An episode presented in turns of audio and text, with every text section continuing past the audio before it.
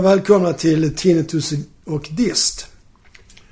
Och den som rösten som, eh, som vanligt säger det tillhör Ulf Österlind. Och den rösten som sa det tillhör Pelle Arvidsson. Jag sa aldrig det specifikt. Nu börjar det i, igen. Okej, okej. jag ger mig. Vad ska vi göra idag då? Ja, nu ska vi titta på ett litet fenomen som uh, uppträdde, ja, kanske inte i skarven 70 80-talet, men precis innan. Ja, mitten fram till... Ja, eländet börjar väl mycket, mycket tidigare egentligen. Ja, egentligen börjar ju disco, som vi då ska prata om. Där släppte han bomben. Boom! inte bomben, eller inte disco, men disco-rock. Discon börjar ju på, egentligen på gayklubbarna på 60 och 70-talet. Alltså den sortens uh, beat. Mm. Men eh, sen spred det sig till, bland annat då faktiskt via Studio 54 och dem. Just I det. New York. Ja, det var ett stort ställe Eh, för de avarterna. ja, de som sprang där. Men, vilket ju en del kändisar faktiskt gjorde. Absolut. Så att det spred ju sig i eh, musikbranschen liksom. Ja, och sen så eh, var det ju ett, eller det uppstod ju ett, ett litet glapp med, med, för våra kära rock'n'roll-hjältar. Ja, På det var- 70-talet. Ja, lite svårt där att navigera liksom. Ja, exakt. Musiken tog nya vändningar. Folk svek. Ja, precis. Discopubliken tog ju mycket av dem som kanske inte brydde sig jättemycket. De som normalt sett gick på rockkonserter. Som slutade gå på rockkonserter. Ja, så började de gå på disco istället. Och varför gjorde man det, tror vi? För att få ligga.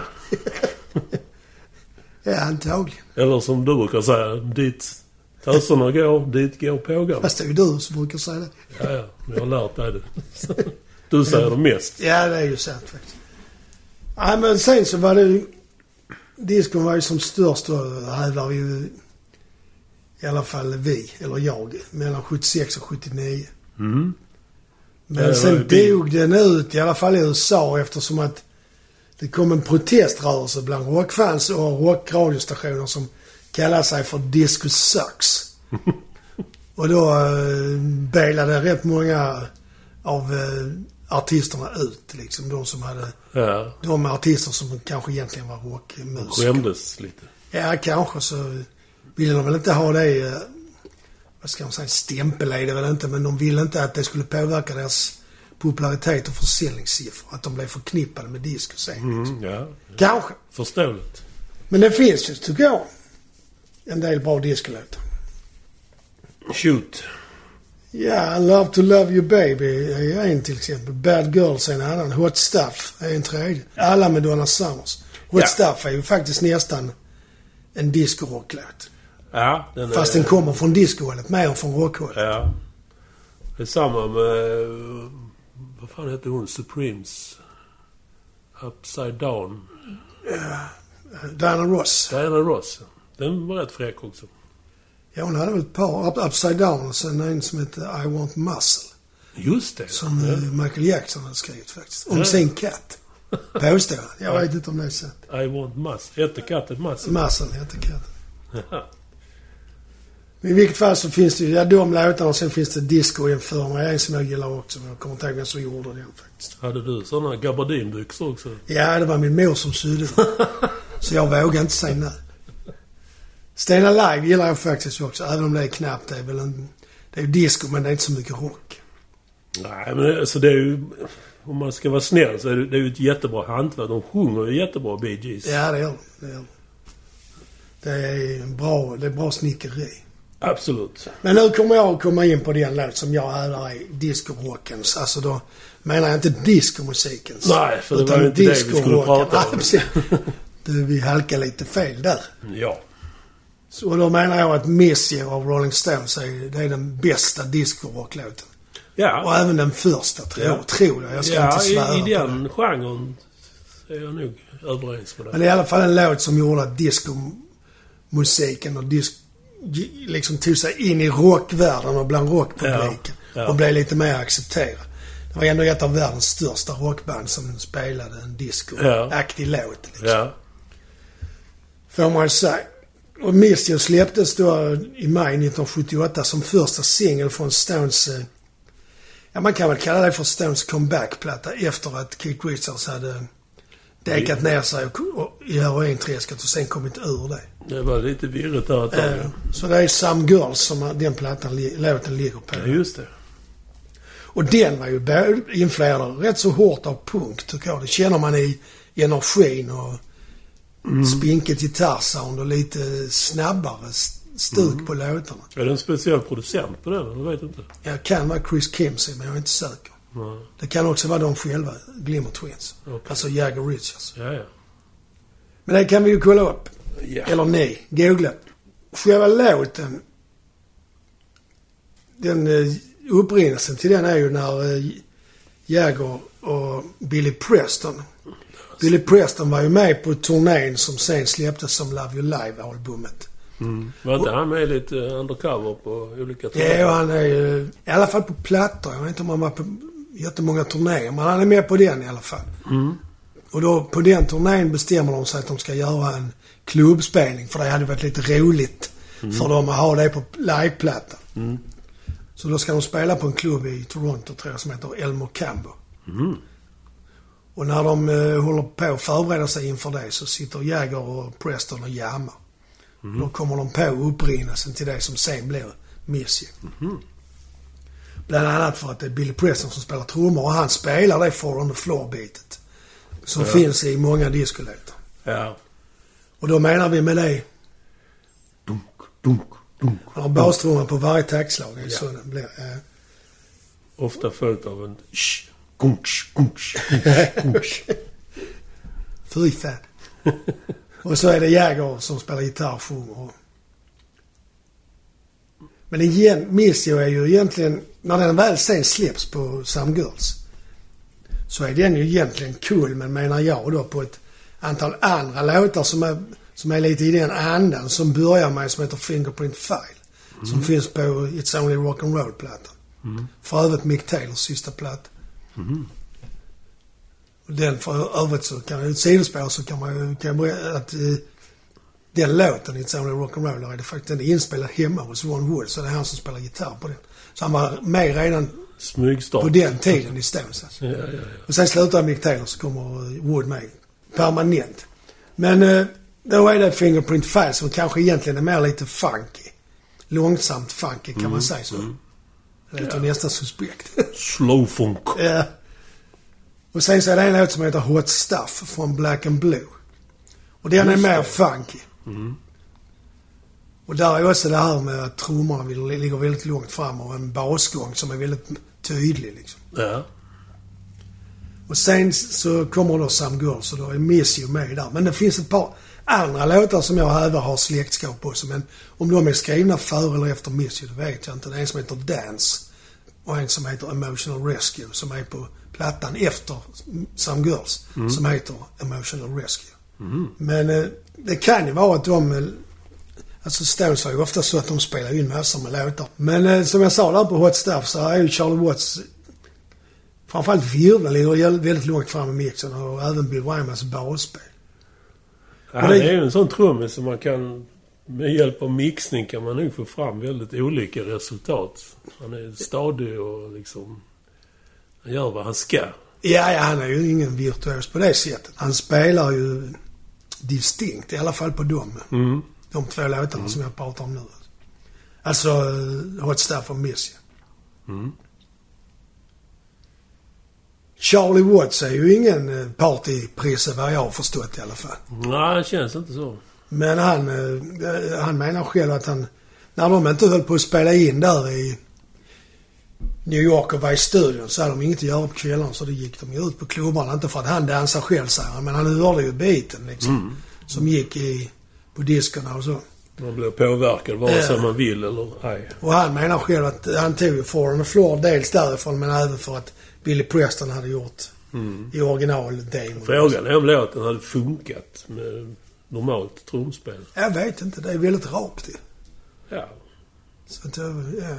Men han menar ju själv att det är också den här eh, nya Philadelphia trumstilen som jag inte vet vad det är faktiskt. Men om. att, att jag tänker att den är på de här Philly Soul-plattorna kanske. Ja. Som kom då på 70-talet också. Råfunk. Ja, det vet jag inte heller. Om jag ska vara helt ärlig. Nej, vi fördjupar oss inte Nej. det. Ingen vet. Nej, precis. Ni vet. Googla oss. Ja, precis. Nej, inte, inte googla. Ja, Googla åt oss. Ni vet. Bill Wyman som då eh, spelar basen. Han, eh, eller han, eh, då får man också faktiskt ge honom att han var ju eh, den som skapade det discobas-soundet. I alla fall vad jag vet med oktavspelet. Ja, det här. Ja, ja. Det är vandrandet liksom. Det är jävligt fräckt. Ja, det är det. Han sprang mycket på klubbarna och, och lyssnade på hur basister spelar på de plattorna. Ja, inte bara det, tror jag inte. Nej, han jagar 14-åringar också. Jag skulle, det skulle han snappa upp på basisterna och lirarna så skulle han kolla in brödat sin lista. Som är Ja, det, omfattande. han påstår själv att han har legat med över tusen bröder. Tusen. Ja. Och det är bara när han räknar söndagar. Efter kyrkan. Nej, det vet jag inte. Helst skulle de väl vara unga också om man tänker på hon Mandy Moore som han var. Ja, Var de gifta eller hur var det med det? jag vet inte om det. Jag sedermera när hon... Men sen tröttnade han. senare När blev hon det- blev 18. Tröttnade han. Ja, gammal jävel. Och enligt Wyman själv så är det han som har skapat riffet till Missy. Men då vet jag inte om han menar basriffet eller den slingan som går. Da, da, da, da, da, da. Ja, Den. ja. Men å andra sidan så hävdar han ju att det är han som har kommit på riffet till Jumping Jack Flash också. Han har inte fått en spänn, för så var det ju i Stones som han surt skriver i sin bok. Ja, just det. Det var väldigt magsur bit. Ja, det var han faktiskt. Bitvis. Man kan ju ändå tänka sig att han måste ha ändå tjänat ganska mycket genom att vara med i Stones. Ja. Och dessutom sitter, tror jag han sitter fortfarande med i styrelsen för bolaget Rolling Stones. Ja. Så han är inte utkastad på det sättet. Det är bara det att han inte är med på plattor och turnéer. Men han slutade Mm. ju självmant. Så det var ju inget, inga hard feelings. Eller han var kanske sur. Ja, dem. kanske var sur, det vet man inte. Men Richards hävdar att de medvetet försökte skriva en discohit när de gjorde Miss You. Mhm. Men det säger ja, både jag och Ron Wood att det är kom, så var det nog inte. så jag vet inte om Richards har liksom skapat en bild av att... eh, De vill mer ha det till att den halkade in på disken av en händelse. Ja, precis. Lite så att det växte fram liksom. Men jag vet inte. Men Jagger, han brände ju på disken. Han gillar ju det. Han gillar att... Han har alltid varit en fena på liksom att kolla in vad som är trendigt. Ja, nu vet jag inte. Men förr var han bra på det. Mm. Vad som låg- var inne liksom. Och så kunde han alltid få in det på något sätt i Stones musik. Så att det ändå lät Stones, men det lät ändå det här nya liksom. Ja. Och ännu mer extremt på hans soloplattor har fångat upp. Ja, den fast de tycker inte jag är så bra. Nej, inte jag heller. Den första är okej. Ja. She's the Boss tror jag den heter. Jag kom knappt så länge sedan. Ja, det är länge sedan. Jeff Beck spelar gitarr. Det är kanske därför den är okej.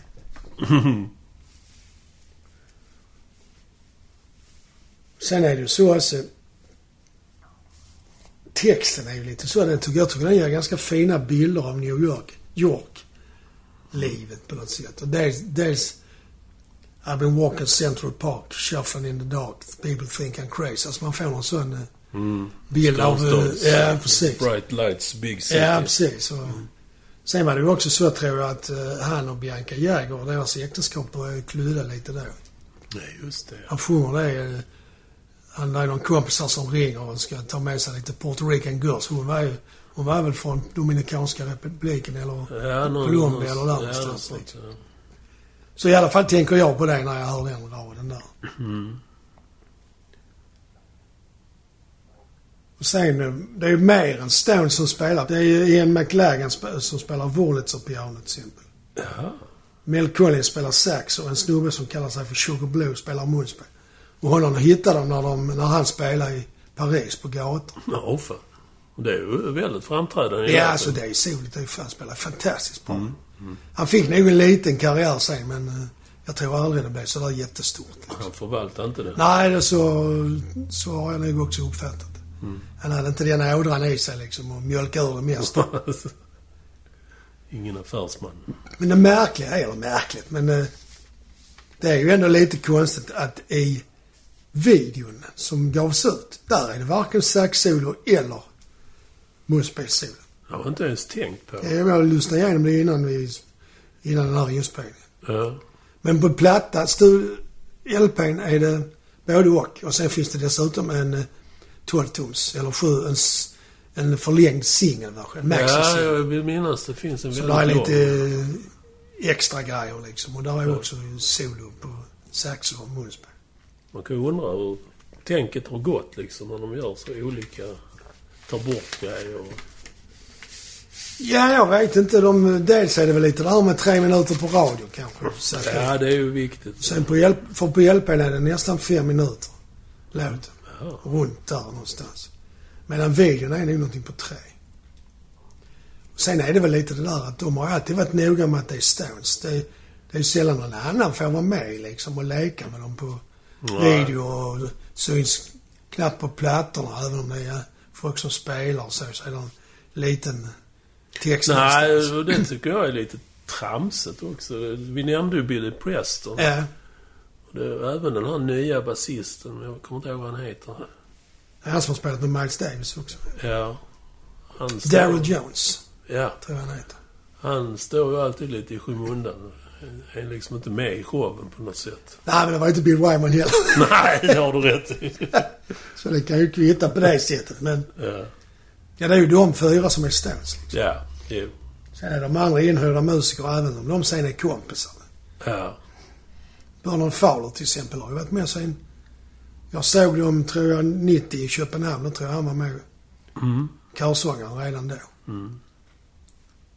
Och då vet jag inte om det var keyboardisten som är med nu. fan heter han? Chuck Leavell. Om Mm. det var han eller det var Ian McLagan. Eller kanske den andra, Nicky Hopkins, har också varit med ibland. På turné i alla fall. Ja, jag hade inte brytt mig. Hade man fått åka med Stones så hade jag kunnat stå bakom scenen. Läser man eh, Ron Woods eh, självbiografi, vilket jag har läst, då får han en miljon dollar bara för att han ska vara med på turnén. Sen får han pengar sen liksom. I förskott. Och de pengarna satsade han på en klubb som gick åt helvete någonstans. Jaha. Det är en annan liga. Ja, det får man lugnt påstå. Men eh, som jag sa alltså. Det är coolt. Charlie Watts virvel i den låten Missy gör nästan, för mig, mycket av. Mm. Det är det som fångar en. Och sen Bill Wymans basspel. Mm. Tycker jag också är helt suveränt faktiskt. Virveln är ju lätt förstärkt med reverb, vilket jag tycker blir Mm. lite coolt. När den ligger ensam. Bara några år senare skulle det överdrivas. Ja, det är något så in i helvete. men just där är det rätt så... Det är reverb, men det är inte så det stör liksom. Jag har ett alldeles speciellt minne till första gången jag hörde Miss You. Det var... Jag var ute med ett, ett uh, symfonirockband som hette Press. Och vi skulle spela i Stockholm på ett diskotek där. Precis... Och det, alltså, jag vet inte vem som hade bokat det eller vem som accepterade bokningen men det var ju inte rätt liksom. Så, precis efter Miss You, och jag tyckte den var där cool när jag hörde den. Så skulle vi börja spela. Så kommer vi då med ja, sju fjärdedelar och liksom sånt konstigt. Som, totalt odansant musik. Vi tömde hela stället. Det är ju på ett sätt en bedrift det också ja. Det, det må ändå vara två stycken som var kvar framför scenen. Och Den de- ena låg så på golvet. Ja, det har också hänt. Nej, de körde ett par låtar höll de ut med att köra dels långfingrar och dels tummar ner. ja, jag får... Så, Liksom riktigt väldigt inspirerande. Tänk att de ändå stod där ett par låtar. Varför? ja, de tyckte väl det var viktigt att förmedla budskapet. Ja, om, som om det inte gick fram efter en. Ja, efter alla andra hade gått också. Ja, så kan det gå i musikvärlden. Ja, Missio låg i alla fall etta i USA. Kanada. Också trea i England. Storbritannien. Sexa i Sverige faktiskt. Mm. Och enligt Keith Richards självbiografi Life så sålde det 7 miljoner ex. Men den måste ha sålt mer totalt sett. Ja, det kanske var singeln där. Ja, det, han menar nog singeln faktiskt. För den har ju säkert getts ut i olika... Ja, den är ju med lite här och där. Men jag skulle säga också att det, det är också en rolig grej med Stones att man kan ju hitta rätt mycket av deras eh, musik på, från konserter på YouTube. Och då kan man hitta Miss You som spelas, säg, du hittar bara på en datum, men säg den 23 mars. Sen så hittar man en, en, en eh, version från den 24 mars och är ett helt, inte helt annorlunda, men där är liksom det kan vara mycket längre, det kan vara kortare, det kan vara ett långt jamparti i mitten där, där eh, basisten spelar solo eller de spelar... Eh, Jävligt skönt alltså. Det spelar lever, munspel. Ja, det är ju lite så jag känner faktiskt. Trots att de spelar på så enorma arenor för så stor publik så är det ändå inte så. Det är ju rätt så riskabelt att ge sig ut och resa i låten. Men nu känner ju de varandra Ja, ja, utan och innan. Men, Ja. men ändå alltså. Men man tänker också på alla de som ska vara spotten på Jäger, spotten på Richards. Ja. Alltså om det då är så ad lib så. Så kanske spotten är till höger och Richards är till vänster. Man vet ju liksom. Man får ju vara vaken när man kan inte sitta och sova under giget. Nej. Det är därför de bara anställer nyktra människor. Ja, kanske. Ja, 2010 i alla fall så utsåg tidningen Rolling Stone Miss You till eh, en av världens 500 bästa låtar. Den hamnar på plats 498. Så pass. Så det är ju ändå... Då hade de ju säkert sågat det när den kom. Kan Ja, det brukar... mig. Stones brukar alltid bli sågade. Ja. Det har alltid varit ljummet och sen helt plötsligt så är de tio år efter så.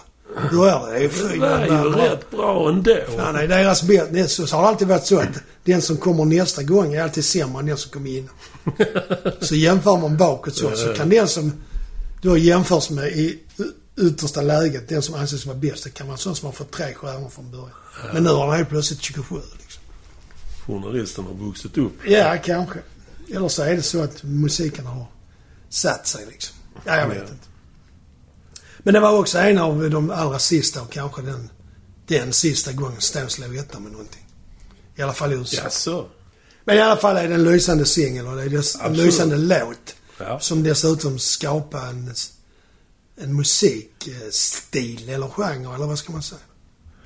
Ja, en nisch. Nisch bra. Ja. Och, Och även en, eh, en språngbräda för många andra band in i 80-talet. ja, Klara sig över de stilförändringarna som låg. Det var ju många andra stilar på gång också. ja, det var ju det. Det var ju det. Punk och synten låg också runt Ja, den låg bubbla där. Punken var väl redan igång. Ja, det var den. Men eh, det här med syntarna kom väl kanske i Det var, väl in på 80-talet. Ja. ja, och med det så... Säger du tack så mycket. Tack så mycket. Varsågod. Så lite så. Ska vi låta vår uh, uppdragbara trumslagare ja. banka lite? Ja, jag hittade en låt som mot alla odds letar sig in på diskon. Framförallt i USA då. En slags eh, metahit som lyckades bli Grammy-nominerad till och med. Och alla dessa här framgångar fick den trots att den häcklar allt som har med disco att göra. Istället för ja, uppmana folk “Move your feet, get down” och sånt. Så var det istället lustmord på de eh, plastiga typerna. Disco-typerna. Uh, Jag pratar om Dancing Fool med Frank Zappa. the man. Ja. Den här låten den ligger ju på eh, plattan Shake Your Booty. Shake your, your, your booty, menar man väl egentligen? Skaka Ja. rumpa. Ja, precis. Och givetvis så har jag själv på omslaget utklädd som Shake med färgat ansikte. Ja, just det. är. 1979 kom den. Sahib Zappa. Eller inte Sahib. Nej, det är kanske inte i Arabien man säger Sahib. Nej, ingen aning. Men det var i alla fall första albumet han släppte på sitt eget bolag, Zappa Records. Som var ett undermärke till CBS. Men han höll själv i allting där. Jag tror den, den, version- den eh, utgåvan jag har, den ligger på CBS. Ja, men de eh, ligger väl i botten på något sätt. Ja, ja, så är det säkert. Men jag bara tänker på hur det såg ut. Men det kvittar Det är ju inte det som gör att det blir en diskolåt. Ja. Hade, han har ju bråkat länge med Warner Brothers. Så det var ju ofrånkomligt att han skapade ett eget bolag. Han är nog inte så lätt att jobba med den killen. Nej, man får ju det intrycket av dem när man... Det finns ju bland annat om man är extremt intresserad så kan man leta upp en film där Zappas sex trummisar plus Ruth Underwood som spelar Ja. slagverk Ja, sitter och diskuterar hur det var. Dels hur de kom in i Zappas band men även hur det var att jobba med honom under perioder och så. Det är ganska intressant faktiskt. Ja. Då är ju alla de. Terry Boss och, Chad Wackerman. eh, och han den första som jag inte kommer ihåg vad han hette. Ralph. Ralph någonting. ja. Någonting. Ruth Underwood och Ja. några till. Ja. Så det är jävligt intressant. Sidospår igen. Jag ber Ja. Jag kan berätta mycket om Chad Wackerman, men det- vi tar det en annan dag. Vi har pratat om trummisen. Vi har Ja. glömt honom. Ja, coming up. Eh, plattan eh, Shake Your Booty får man väl säga är en vändpunkt i hans karriär. I alla fall kommersiellt. Det är ju den plattan som har sålt absolut mest bland hans skivor. Två miljoner. Inte så mycket i... Nej, Stones-sammanhanget, Nej, eller Van Halens debut och sånt. Nej. Nej, det är det inte. Men det är många skivor om det. Men man glömmer ju att Frank Zappa är ju rätt smal alltså. Det är ju en underground-artist. Egentligen är det inte så. Sen, vi som spelar själv eller är väldigt intresserade av musik gillar ju honom. Absolut. Men de flesta andra gör ju inte det. Nej. Ja, möjligtvis Bobby Brown. ja, men det är ju också den totala omsvängningen från hans sida. Ja. Men i alla fall så, han, den här skivan kickstartade en period med, ja, större, som jag sa, större försäljning på skivor, större framgångar publikmässigt, större skaror. Har större konserter med det Ja, också antar ja. Ja. Och det, han har faktiskt lirat den här live, Dancing Fool, några år. Innan den hamnade på den här plattan. Och den är inspelad live faktiskt. Jävlar, jag får mig jag lä- när, man Mm. lä- när jag läste på den tiden på omslaget så stod det att det var... Hela plattan lär vara inspelad Ja, det grunderna är live. Lots of overdubs står det på spel. Ja, Ärligt och fint. Eh, Och han har även, eh, innan den kom på skivan, 78 så var han med i Saturday Night Live. Och spelade, och då spelade den låten. Och det fick jättestor uppmärksamhet. Folk liksom tyckte den var död fräck. Men eh, han kom aldrig tillbaka till Saturday Night Live. varför inte det? Alla i crew, utom John Belushi, tyckte han var för jobbig. och det han vill nog bestämma saker och Ja, sen tror jag faktiskt han är perfektionist. Ja, det, ja absolut. Det är, anar man lite när man lyssnar på de här trummisarna som jag nämnde innan. Ja, ja, det är ju Att han är rätt så... underverk till människor. Ja. Eh, Zappa själv, han, han fattar aldrig att Dancing Fool kunde få sådana framgångar som den fick. Och det, är, det är nog framförallt i USA på disco.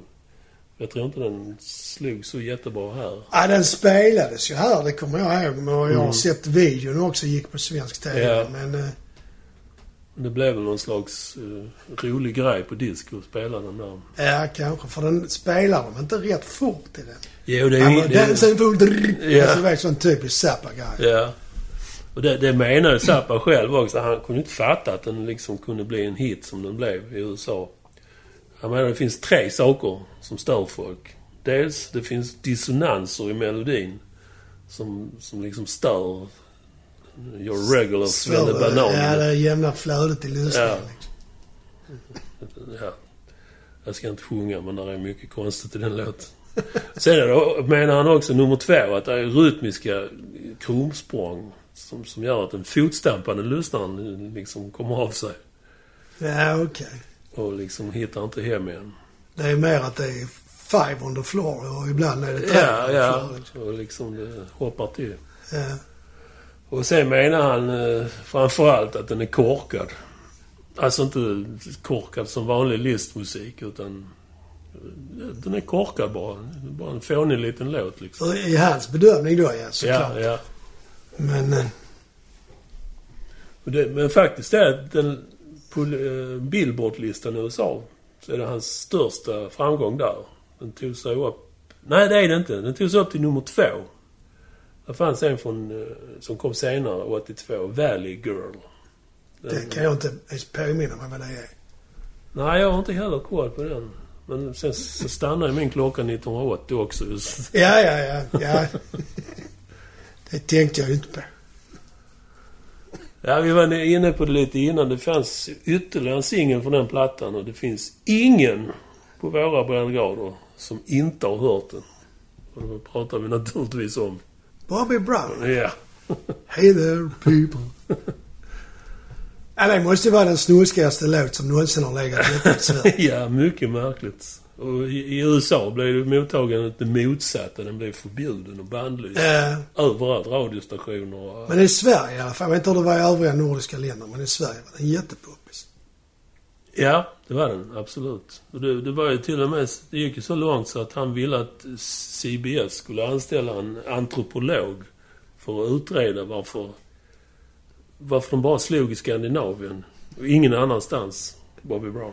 Ja, men det har jag tänkt på. Det här vad jag beror på att låten beskriver en skenhelig amerikansk snygg pojke på det sätt som vi uppfattar skenheliga, snygga amerikanska pojkar genom TV Ja. och filmer. Ja, det kan ligga mycket Så för oss är det liksom en rolig både nidbild och bekräftelse av hur vi ser på Ja, amerikansk ungdom. fördomarna. Ja. Ja. Men för en amerikan så är det nog, de ser ju inte det som vi. Nej, det tror jag inte. Så därför så tror jag de blir förbannade istället. Ja. Tycker bara det är snuskigt helt Jag tycker du ska ringa till CBS och billigt låta dem få det. Ja, jag kan begära in det i gaget där. ja, men Frank Zappa själv har jag aldrig förstått liksom. Jag menar han sjunger ju, ja, vi ska inte, ni, ni kan ju själv lyssna. Det är ju en del Ja, det är ju jättebra låt. sexuella yttringar som inte nämner sig lämpar sig ens på en podd. Med sju lyssnare. Vi kanske ska meddela vad vi vet om antropolog. Om man till äventyrs inte känner till vad de är. Ja, nej, tycker jag de kan slå upp. Folklivsforskare, är det inte det? Eller vi ska... Ja, de studerar människosläktet och människan som gruppvarelse. Ja, okej. liksom. Ja, Men... eh, Ja, han fick ju sin inspiration, Zappa, såklart. Han också. Han gick nog också på diskotek mellan varven, misstänker jag. Han har lagt märke till det här fåglandet på dansgolven. Folk som studsar runt med fejkad coolhet. ja, ja okej. Hans undersökning, vilken jag förmodar han kallar den, kom väl fram till att eh, discopublikens väsen består huvudsakligen av rytmlösa fötter och fantasilösa raggningsrepliker. Det har han själv sagt, så att det, det, är inte som jag sitter och gissar. Alla har sagt, det är en jävligt rolig grej. Jag bara kommer att tänka på det. Eh, Somliga säger att den viktigaste byggstenen i universum är kväve eller något sånt för att det finns det mest av. Ja. Jag hävdar att det är dumhet. ja. Tycker jag det finns mest av. Eller något i den stilen. Jag undrar verkligen om han, han påbörjar en politikerkarriär, men jag tror sjukdomen Ja, så det, ja, det är möjligt. Det skulle vara jättespännande, för jag tycker han hade väldigt Ja, man sunda han var idéer. klok fall. Mot krig och religion och bomber och skit som... Han gav ett klokt intryck när han, han var ibland med i sådana debattprogram. Kan man hitta på Ja, precis, ja. Då är han ju rätt så bra faktiskt. Verkligen. Det är ingen som klår honom. Nej, han har svar på det mesta. Och Även om det, de försöker att sätta dit honom så, så vet han. Ja. Han har koll. Inte bara att han har läst det, han kommer ihåg grejer också. Ja, det är en bra egenskap faktiskt. Om man ska bli politiker. Ja. Ja, han... eh, Vidare, hans tes då om discofolket. Han menar på att det är gråa kontorsmöss som stylar upp sig till helgen i platåskor och silkesskjortor som vi minns. Och dina gabardinbyxor. Feta guldkedjor. Gärna med en sån liten eh, kokainsked i som man visar vad- att man inte bangar för minsann för lite kokain. så. Jag är där de stora grabbarna är liksom. Ja. Och killen som eh, han Zappa gestaltar i, i låten är, är medveten om att han, han är kanske inte världens bästa dansör men... Eh, och därför så utbrister han i låten The beat goes on and I'm so wrong. Ja, just. Och där har vi lite det där atonala som kanske stöter bort Svensktops-lyssnarna. Han är också medveten om att han eh, begår socialt självmord med, genom att dansa. Men han kan inte låta bli att svänga sina lorviga ben. Dessutom är det ena kortare än den andra. Men han är låten alltså. Ja, Ja. Figuren där. Ja, man kan väl säga att eh, det, här är ju satir alltså av ädlaste Zappa-kvalitet. Ja, men det är väl mycket av hans musik. Ja, det är ju Eller hans mycket texter i alla fall. samhälls... Ja, han hånar Ja, företeelser i hans närhet liksom. ja, verkligen. Inte minst religion har han skrivit Ja, många låtar. Men han menar också att han, han hatar inte discodansare som många trodde. Han, han menar att det, det är okej. Det, det är nyttigt till och med att vanligtvis blyga eller, och eller tråkiga människor kan plocka fram sitt innersta mörker och släppa ut det på dansgolvet liksom. Dansa bort det, liksom. Det och att det finns en chans att få ligga. Det är kanske det viktigaste. Ja, Med den, visheten. precis. Så får vi väl lov att säga tack för idag. Ja, och avsluta med dit töserna går. Där Dit- går bågarna Ja, precis. Och var var töserna på slutet av 70-talet? Jo, de var på disco. och dansar till Stones och Zappa. Ja, precis. Tack för idag. Hej då. Tack, hej.